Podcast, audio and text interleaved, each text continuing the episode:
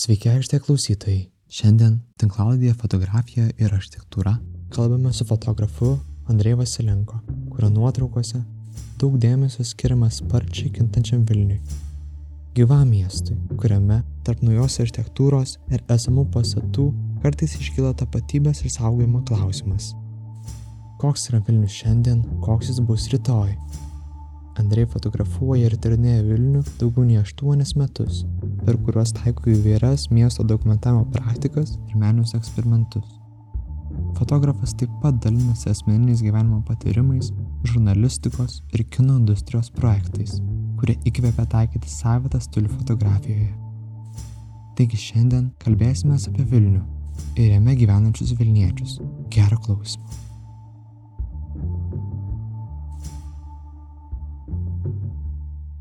Fainai, kad susitikom nu, čia eidami ir tu papasakai, kad dar šiandien nufotografavai.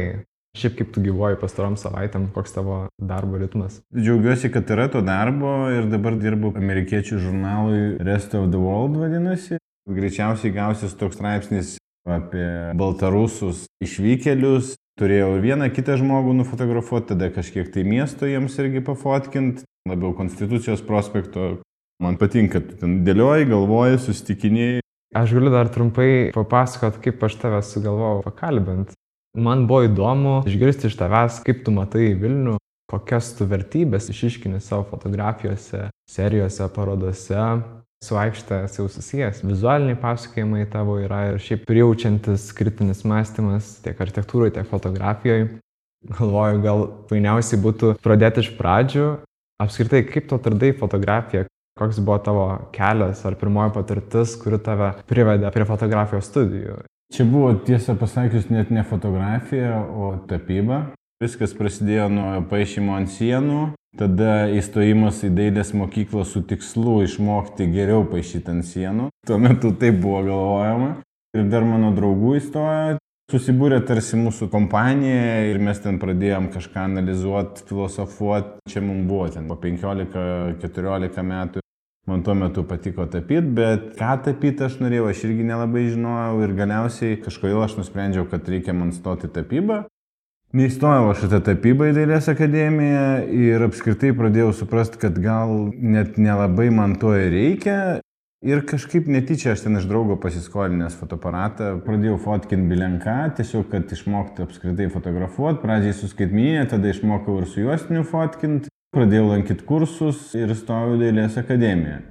Supratau, kad visgi mane domina ta dokumentika ir fiksavimas realybės, gal dėl to tapyboje nelabai ir pavyko ten ką nuveikti, nes realistiškai tapyti aš nesimokinau. Turbūt gal nuo kokio antro, trečio kurso pradėjo formuotis toks identiteto klausimas pačio savęs, tiek ir miesto, kuriame mes gyvenam. Visą laiką eidavau į akademiją pro senamestį ir tuo metu kaip tik pradėjo tvarkyti senamestį. Tai čia buvo 2005, 2006, 2007 metai. Senus pastatus kažkaip pradėjo labai keistai restauruoti, tiesiog perdažinėt, tarsi maketai patapdavo tie pastatai ir aš juos vadindavau zefyrais. Daug dalykų daroma visiškai euro remonto principu. Kitas dalykas, kodėl Vilnius visur ten ir Google ir taip toliau paieškose yra tik tai senamestis.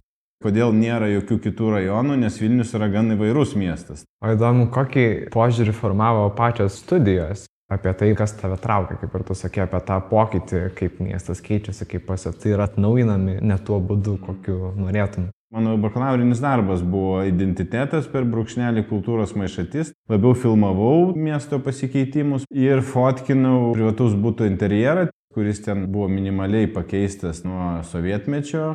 Ir jis tik tais apauginėjo visokiais daiktais, kultūrėlėm, paveikslas ir taip toliau. Visus tos sluoksnius išlaikęs yra. Tokie mano buvo palyginimai apie tai, kaip gali miestas galbūt dėliotis. Jisai keičiasi, bet vėlgi sluoksniai atsiranda viens ant kito.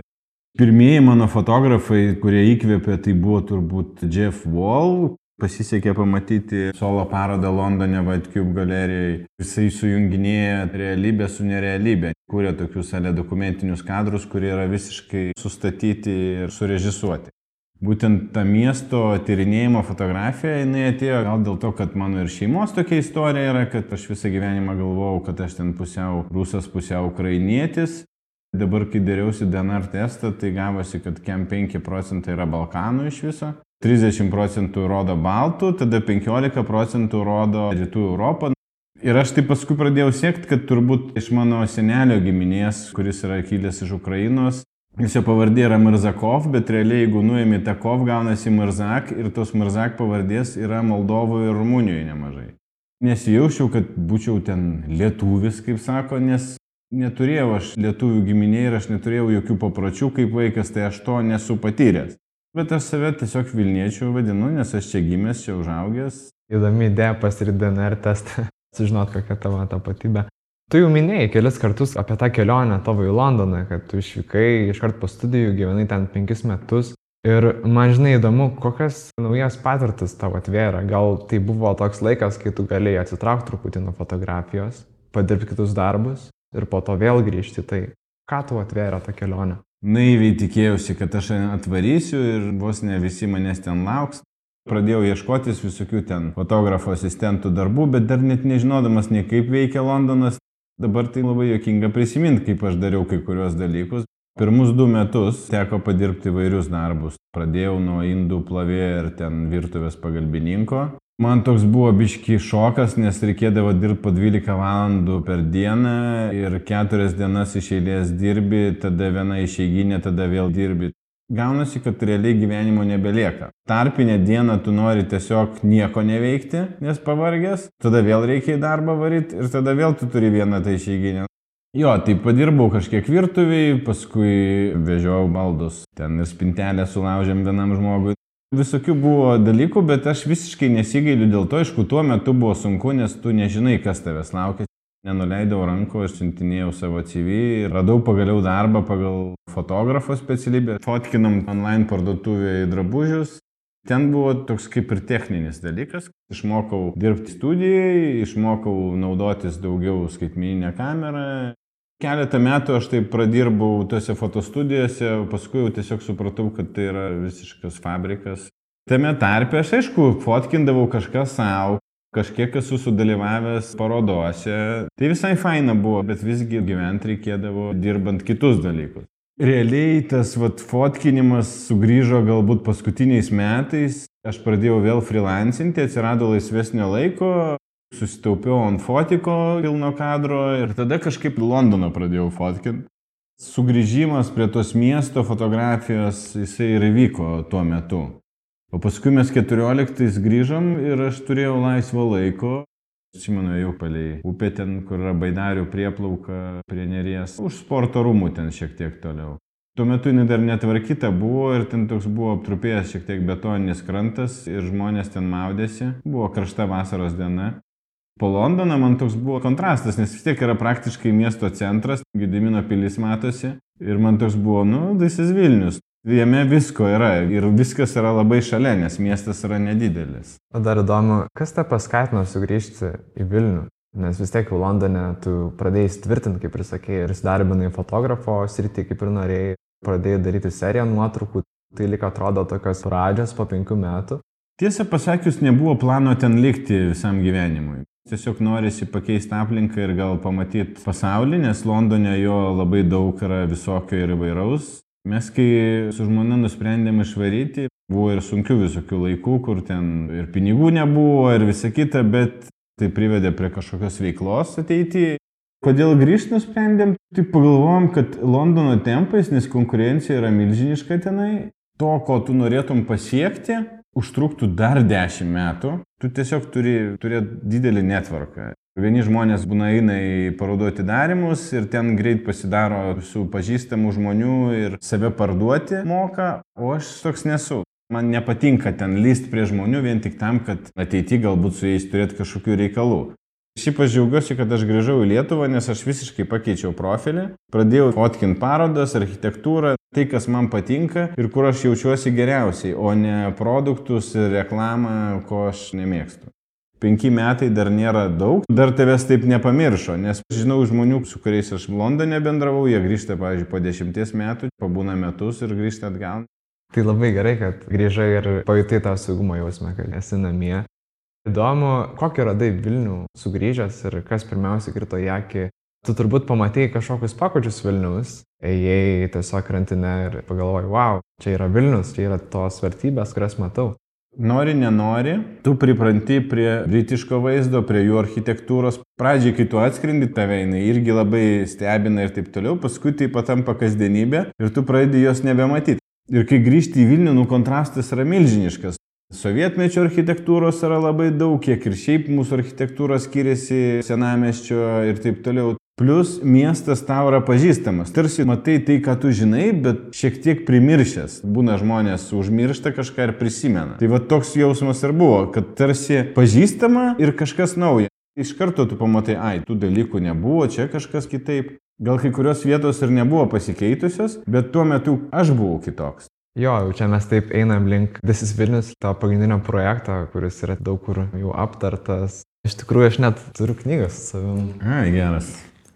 Vartydamas tą knygą pastebėjau, kad tavo nuotraukose dažnai įpinama dviguba prasme.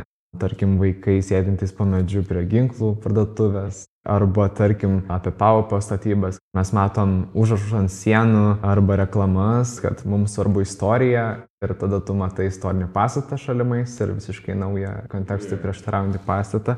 Tai man ta idėja, žinai, buvo labai įdomi, nes tu tada pamatai apie tą identiteto problemą, kuri dažnai yra taip pamirštama arba tas Vilnius veidas taip stipriai keičiasi. Kaip tu manai, ar galima įsaugoti tą vietos identitetą ir kuo jisai svarbus? Vienu metu aš pats galvau, kas tas Vilniaus identitetas yra. Nu ir supratau, kad tai, ką mes turim dabar, ir yra tas identitetas. Iš esmės, jeigu taip žiūrint, šiuo metu vyksta procesas besikūrinčio identiteto. Šitam projekte tai darau per miestą, per viešas erdvės. Pas mane yra tokių keletą dalykų, kurie susijungia į fotografiją. Tai pirmiausiai turi būti ir nuotaika, kuri padeda tam vaizdui ar užduoti klausimus, ar atskleisti kažkokius atsakymus.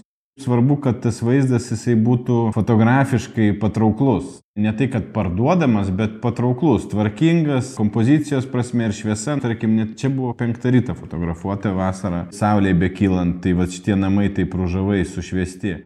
Turiu dar iki šiol šitą printą. Tai jis man irgi kažkaip patinka, aš dažnai jį prisegu ir manęs prašo ar prie straipsnio ar kažkur. Kas liečia šitą ir kitus kadrus, man patinka, kad tavo nuotraukose atvyro toks atmosferiškumas. Kaip čia sakai, kad penktą ryto teko fotografuoti ir ta pastanga matosi. Mes tokius rakursus, tokiu apšvietimu nematom kasdieną. Aš nežinojau, kad rasiu tokį dalyką, nes čia buvom dar su draugu kartu, pradėjom nuo kažkokių naktinių kadrų, daugiau mažiau ten Fabioniškės pašilaičiai, kažkaip mes čia atėjom ir žiūriu, kad nu va, yra tas kadras, visos nakties ieškotas. Tai turbūt fotografijai to kinematografiškumo dėl to ir atsiranda, kad tas yra matymas miesto ne tik kaip dokumentikos, bet per brūkšnelį paveiksliškumą. Pavyzdžiui, Edvardo Hopperio realistinė tapyba ten 50-ieji metai, tokių amerikietiškų būtinių vaizdų daug labai. Tapė paprastų žmonės kažkokius pokalbius Ir tas man patinka. Galbūt tapyti tą patį dabar būtų neįdomu, bet nuotraukose man patinka visai tai užčiopti. Aš ne tai, kad kopijuoju, bet turbūt tai labiau įtakojo matymą. Jo, todėl ir įdomu fotografija, nes tu fiksuoji, tu dokumentuoji istoriją, kažkokius rakursus miesto, sustabdai laiką. O šitas kadras buvo taip padarytas, kad aš jį pradžiai su telefonu nufotkinau kažkada tai. Ir aš galvoju, reikia nueiti perfotkinti. Čia anksčiau buvo naktinė parduotuvė, užsidarė paskui ir ilgą laiką stovėjo nenaudojamos patalpos. Ir čia dabar stato tą stiklinį pastatą didelį Libeskindo ir mano draugai atidarė kavinę. Variukas labiau, ten vadinasi draugų vardai. Jie turi ten tą vietą visai fainiai pasidarę. Tai vėlgi čia dabar jau pasikeitė ir aš dabar mačiau dar vieną rakursą, kurį reikėtų pasidaryti, nes jau ten vėl yra kitaip. Tai tokio jau vaizdo jau negausi, nes va šitoje vietoje viskas jau yra užstatyta. Miestas gyvas, jo kažkaip nesuvaidinsi, jis toks nuolat kintantis, o fotografas gauna tą iššūkį. Ir po to labai įdomu matyti, kas keičiasi, ar į gerą, ar į blogą pusę, koks tas miestas statosi. Šiaip įdomu dar apie tavo pačią miesto tyrinėjimo praktiką su fotoaparatu. Ar tu mėgsti labiau spontaniškai daryti nuotraukas, ar turi planą kažkokį? 90 procentų nuotraukų yra spontaniškos. Tai nebuvo planuota, bet tai nereiškia, kad aš nieko neveikiau ir tiesiog jas padariau. Vieni fotografai būna planuoja, jie vaikšto, jie suranda vietą, tada jie ten žiūri laiką, kad ten saulė būtų gražesnė. Dar yra ir toks būdas ir jis nėra blogas, tiesiog kiekvienas pasirenka savo. Bet man gal patinka tas, kada neturi nusistačiusių kažkokiu tai rezultato lūkesčių, o tu ateini ir surandi. Būna, kad net perkelus fotkės, pamatai, kad ne šita, kurią tu galvoji, kad jinai bus geriausia, o va ta kita. Momentas tu tokio nustebimo ir netikėtumo jis yra labai svarbus. Aš dėl to nusipirkau geresnį telefoną, kad galėčiau, jeigu neturiu kameros, nusifotkinti su telefonu, nes gali visai turėti normalių kadrų. Ten yra vienas kadras, kur su limuzinais. Tai jisai buvo suplanuotas labiau dėl to, kad aš jį pamačiau pro traukinio langą, neturėdamas nei fotiko, net telefonų nespėčiau nufotkinti, nes tiesiog pamačiau ir pravažiavom. Tai aš ten labai kvailai, aš paskui supratau, kad buvo visiškai kitas kelias iki ten. Su dviračiu palei bėgius svariau tenai, traukiniai važiavo, man pipsino. Pavyzdžiui, šita labai irgi netikėta nuotrauka yra. Šitą žmogų aš nusprendžiau įdėti, nes kažkaip jisai man atspindi dabartinę kartą. Tas telefonas, biškiai sudaužytas kelias, bet susišukavę plaukai. Ir čia dar du laikrodžiai, man atrodo, pas jį uždėti yra. Jis man labiau simbolizuoja Vilniaus gyventoją. Nebūtinai, kad jis yra iš Vilniaus. O su šita nuotrauka tu ją minėjai, kur ginklai ir žmonės. Čia gal buvo toks e, mažas linkas apie informacinį karą šnekant kas tie ginklai yra, ar šitie, ar internetas ir informacija, ir kaip mes ją gaunam, ir kaip apdorojam, ir taip toliau. Aš dabar pagalvojau, jinai visai būtų faina, kad atspausta būtų didesnė. Tu galėtum matyti tas detalės. Ir čia viena iš pirmųjų jinai nuotraukų yra. Grįžus čia tą vasarą, Liepos vidurys, koksai kaip buvo karšta, išdegus žalė visą Atrodo, tos nuotraukos tokios skirtingos, bet visos gražiai susijungia tokia vientisą seką. Man gal ir dėl to yra žavus tas knygos formatas, kad turi du puslapius lygiai vienas su kitu. Bet tu minėjai, kad dydis dar turi labai didelę reikšmę. Galvau, vieta, kur galima žaisti su nuotraukų dydžiu yra parodos formatas. Kaip tu žiūri į tos du formatus - knygą ir parodą? Tai yra kelionė per miestą ir tu per tą kiekį pamatai skirtingas miesto vietas ir tai yra gan maža miesto dalis, jeigu šiaip žiūrint. 107, man atrodo, nuotraukos. Bet parodoj tiek nuotraukų yra nesąmonė. Išvarginsi žiūrovą ir jisai pusės neperžiūrėjęs išeis.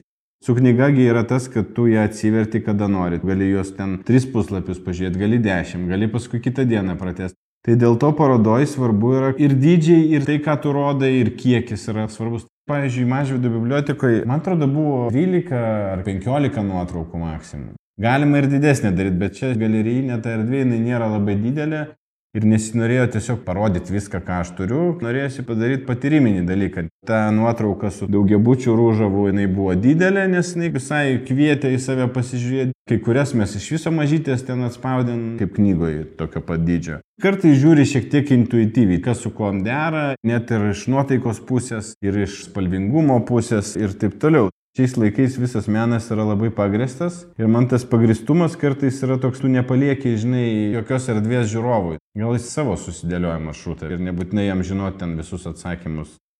Todėl noris, kad menas būtų toks atviras, įtraukiantis, paliekantis vietos pačiam žiūrovui. Kai visą tą knygą perverčiau, tai sudarė įspūdis, kad Vilnius dar turi daug to sovietinio palikimo pastatų arba erdvių, kaip ir reformatų skveras, pakeitė savo veidą, suremontuotas ne pačiu teisingiausiu būdu, arba kai kurie daugiabučiai tiesiog atremontuoti euro remontų tiek iš vidaus, tiek iš išorės.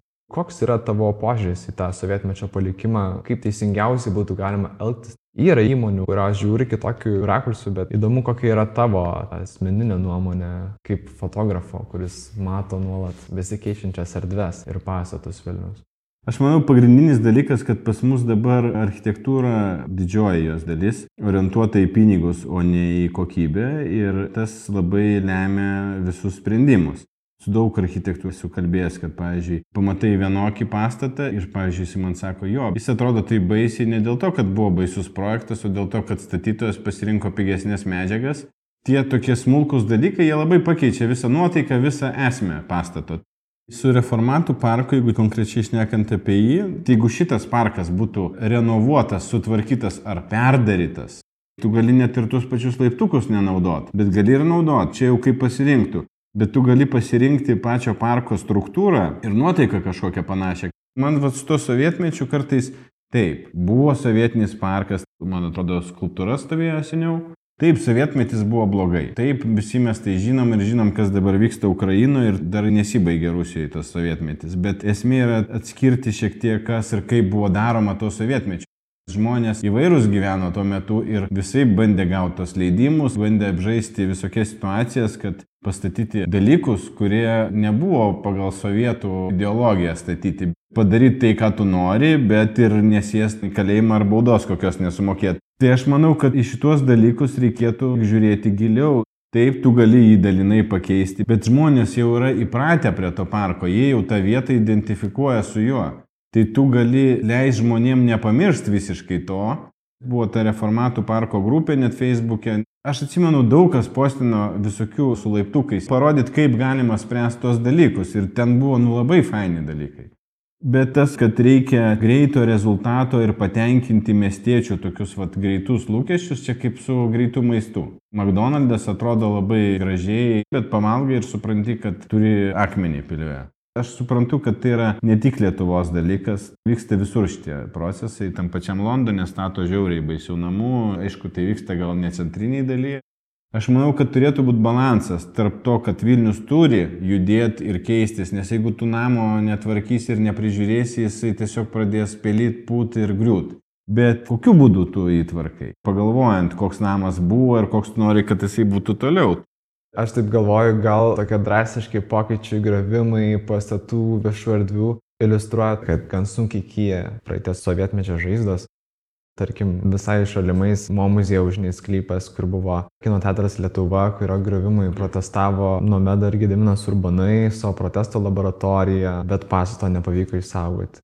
Arba Giraitės kelių policijos pastatas, kuriam irgi protestavo architektai, bet postmodernizmo grinuolės buvo nugriautas. Arba nu, dar vienas toks atvejis, kurį gal matome iki šių dienų, tai yra skulptūros ant žalio tilto, kurios irgi buvo nuimtos, bet po to atsirado Audrius Ambraso instaliacija, žalio tilto ženklai, kuri yra ir iki šių dienų. Man jinai taip konceptualiai užčiopia sąsajos su praeitim. Liktai sustabdytas laikas, nukelimo procesas. Labai įdomu, kaip jinai veikia erdvėjai. Tu eini per ją ir matai tam tikrus nukirptus, nukirstus fragmentus. Visi šitie atvejai man parodo, kad norima ištrinti tą sovietmečio laikotarpį, kaip galima nepalikti pėdsakų lyg ir ateities kartom. Aišku, aš nemanau, kad reikia ten aukštinti tai, bet galbūt kažkaip sujungti praeitį su dabartim tiek architektūriniam priemonėm ir palikti galimybę holistiniam požiūriui, konceptualumui. Nes jeigu žinai to nėra, atrodo, kad visuomenė suskaido į dvi dalis. Viena, kur sako greuti, o kita, kur sako negriauti, išsaugoti. Ne iki galo visuomenė supranta, kad visa ta architektūra, kuri buvo pastatyta sovietmečiu, tai ne visai yra sovietų nuopelnas. Taip, tuo metu Lietuva buvo Sovietų sąjungoje ir ten tie biudžetai visi visą kitą, bet reikia atkreipdėmėsi, kokios tendencijos ir kokia architektūra buvo tuo metu pasaulyje. Tokių pastatų kaip pavyzdžiui Audėjas, nežinau, ar aš atsiminsiu, kuriam puslapį aš jį pats čia mačiau. Nėra taip, kad aš žinočiau mintinai savo knygą ir aš tuom džiaugiuosi, nes nuotraukų daug va. Kaip tik jame studiją dabar turiu. Penktam aukšte pas mane yra. Langai išeina į kitą pusę, bet jau nebeilgam, nes greusiai ir statys ten vėl stiklinį kažkokį pastatą. Nors jį galima buvo išsaugoti ir versti į kažkokį tai visai fainą dalyką. Čia buvo audėjų baldų fabrikas. Ir pats principas ten tokie yra kampiniai stikliniai langai, kurie yra labai faini. Londone pilna tokių pastatų. Jie galbūt ten pastatyti kokybiškiau, sovietmečių pastatyti jie buvo praščiau, su tuo aš galiu sutikti. Bet industrinė architektūra, jinai daug kur šalyse atsikartoja. Taip pat blokiniai namai. Užtenka pamatyti Paryžiaus priemeščius, kokie ten blokiniai namai. Jie kartais dar baisesni už mūsų. Tai čia nėra vien tik sovietmečio nuopelnas, kad mes turim tokią architektūrą, dėl to, kad pasaulis visas keitėsi po antro pasaulinio karo.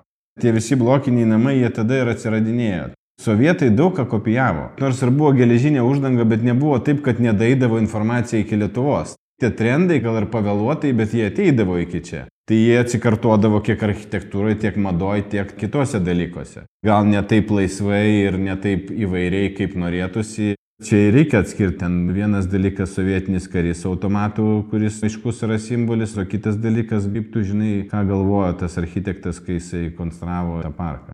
Jo, tai vis tiek buvo atšilimo laikotarpis tavo vaikystėje. Ir man įdomu, ar buvo tokių vietų, kurios jau nebeišliko iki šių dienų, bet kurios tu buvo svarbios vaikystėje ar paauglystėje, kur tu leisdavai laiką, o dabar tos vietos tiesiog pakeitė savo rūbą arba išnyko. Aš gyvenau iki trijų metų elektrėnuose, kadangi tėvai išsiskyrė, persikėlėm su mama pas senelius į Vilnių. Žemaitis gatvėje gyvenau.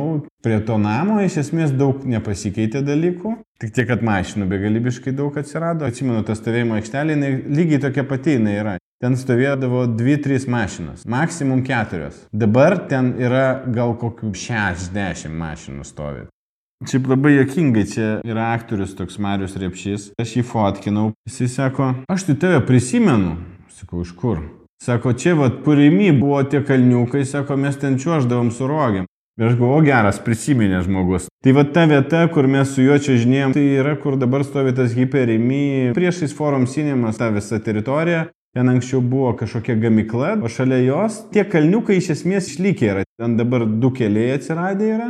Tokia vaikystės vieta, bet iš esmės maniežas liko ten pat. O paskui aš gyvenau prie Lasdynų žiedo, irgi savanorių prospekte, ten, kur gerosios vilties yra. Dabar visai faina dar sugrįžti kartais, nes tu atpažįsti daug dalykų. Būtent tuose kiemuose ypatingų pasikeitimų neįvyko. Gal nauja žaidimo aikštelė vaikams. Tu kalbėjai apie mašinas, kad jų labai padaugėjo lyginant su praeitim. Tavo nuotraukas irgi labai daug kur matosi tokie rakursai, kur lyg iš mašinos lygio, arba tiesiog erdvėjai labai daug mašinų ir tos mašinos matomas kaip trukdis kažkoks. Dar grįžtant prie This is Vilnius knygos, tai eina treti metai, kaip jinai yra išleista ir galvoji, kad tu tris metus toliau fotografuoji Vilnių. Ar planuoji išleisti ir antrą knygos dalį? Konkretaus kol kas plano nėra. Nežinau tiksliai, kokia tai knyga bus. Galvojau apie naktinį Vilnių. Nežinau, ar suveiktų vien tik tais naktinės nuotraukos. Kol kas dar mastau.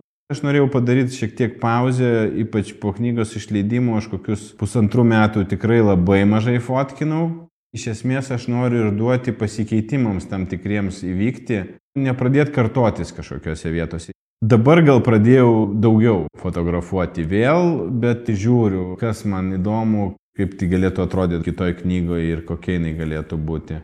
Bet to trys metai, aš nemanau, kad tai yra didelis tarpas. Čia nebeselerį kažkokį išleidau, kur ten žmonės laukia antros dalies.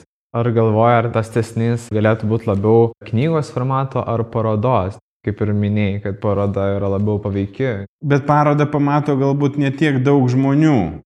Kai kurios nuotraukos parodoje veikia labiau negu knygoje. Turbūt gal didžiai daliai autorių yra taip, kad padarai savo darbus, paskui nesėdi ir nevartai jų. Dabar, kadangi turim tokią progą, aš pats vartau tą knygą ir matau kažkokius dalykus kaip naujai tam tikrą prasme. Šitam projektui tinka ir knyga, ir paroda, bet knyga gal labiau ilgesnėme laiko tarpe. Tai yra vis tiek archyvinė fotografija. Turiu meni, kad miestas keičiasi ir kai kurios vietos tiesiog jau yra nebe tokios, kokios buvo. Kai paminėjai tą miesto keitimąsi, tai man atrodo per pastarosius penkius metus miestas labai stipriai keičiasi. Tarkim, tu dokumentavai nuo 2014 metų iki 2019, bet kas vyksta 2023 metais ir kokie projektai jau yra kabinami į priekį, atrodo, kad Vilnius įgavo tokį labai drastišką pagreitį. Aišku, projektai, kurie prasideda šiandien arba kurie yra planuojami, jie truks dar tos penkis metus mėgstu patikrinti Cityfy platformą, nes kažkaip labai matai tu tą miestą, kaip viskas vyksta.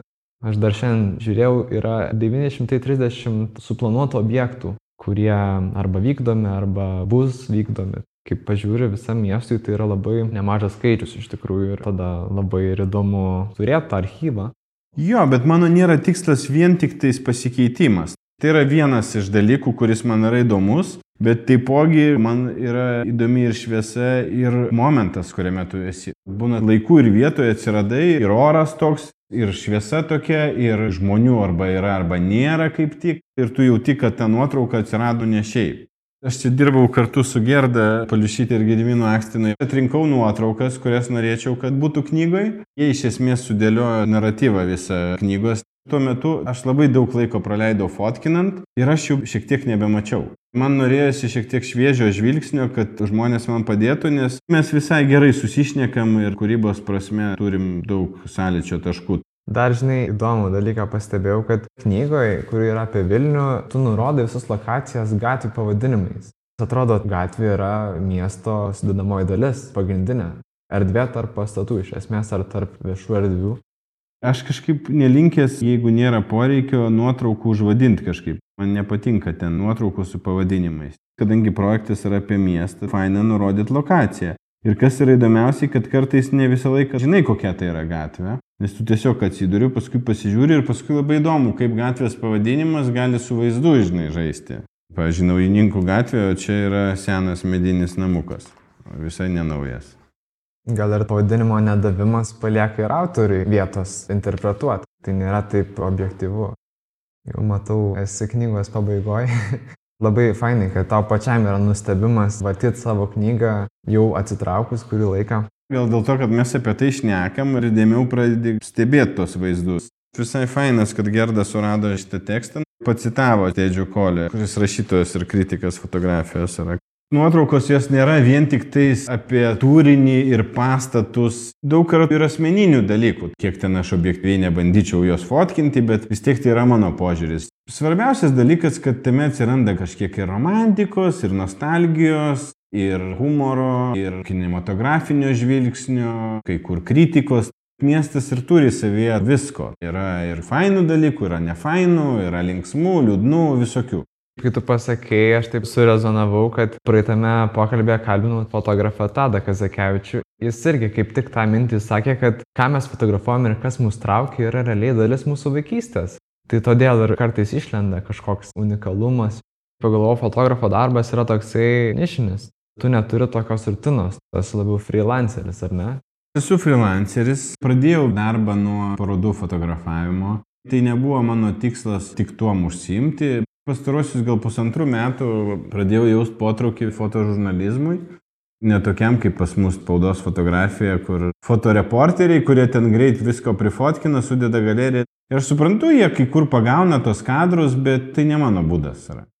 Aš mėgstu gal ramiuoju būdu, nes aš dar kartais ir kinė dirbu kaip fotografas, tai prieimą, tokį dokumentinį, kinematografinį, nelyst per daug prie aktorių, juos stengtis pagauti kažkaip natūraliai.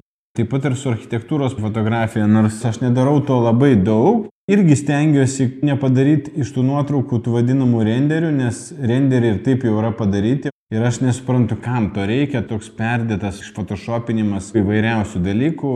Gali net renderį dar geresnį padaryti negu ta išphotoshopinta nuotrauka. Turbūt gal dėl to manęs taip dažnai ir nesamdo, aš nedarau to išlaižymo nuotraukų. Kažkaip aš daugiausiai dirbu su užsienio spauda, kur aišku ir pinigai yra kitokie, ir santykis su tavim yra kitoks.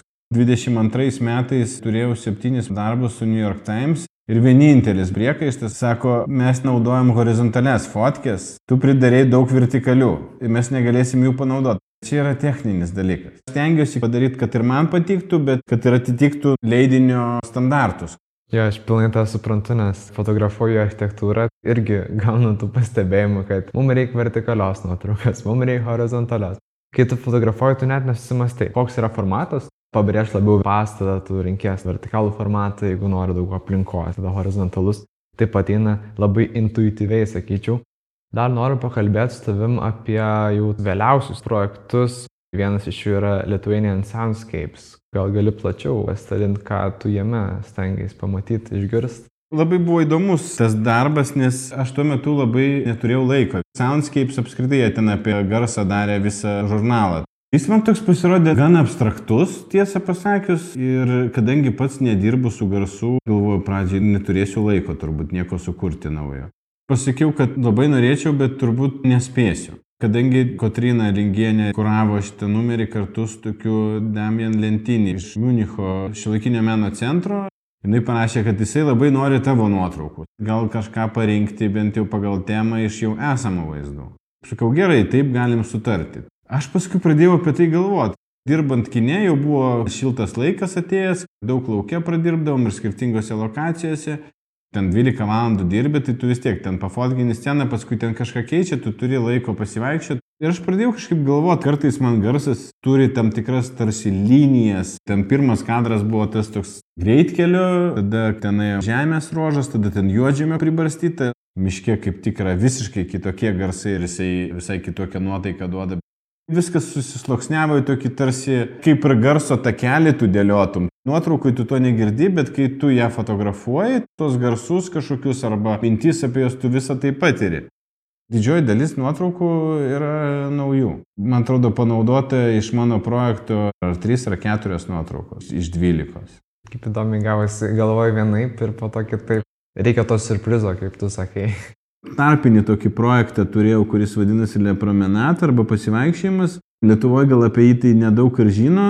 Čia aš buvau laimėjęs Sudėsis Vilnius projektų portfolio peržiūros ir rezidenciją buvėje mieste. Miestelėje, kuris nebuvo niekom ypatingas, kas ir gal buvo sudėtingiausias dalykas, nes jis buvo antro pasaulinio metu visas sugriautas, katedra liko jų viena iš aukščiausių katedrų šį pasaulyje. Kažkiek to senameščio dar egzistuoja, bet labai nedaug ir jis iš esmės atstatytas yra po antro pasaulinio karo.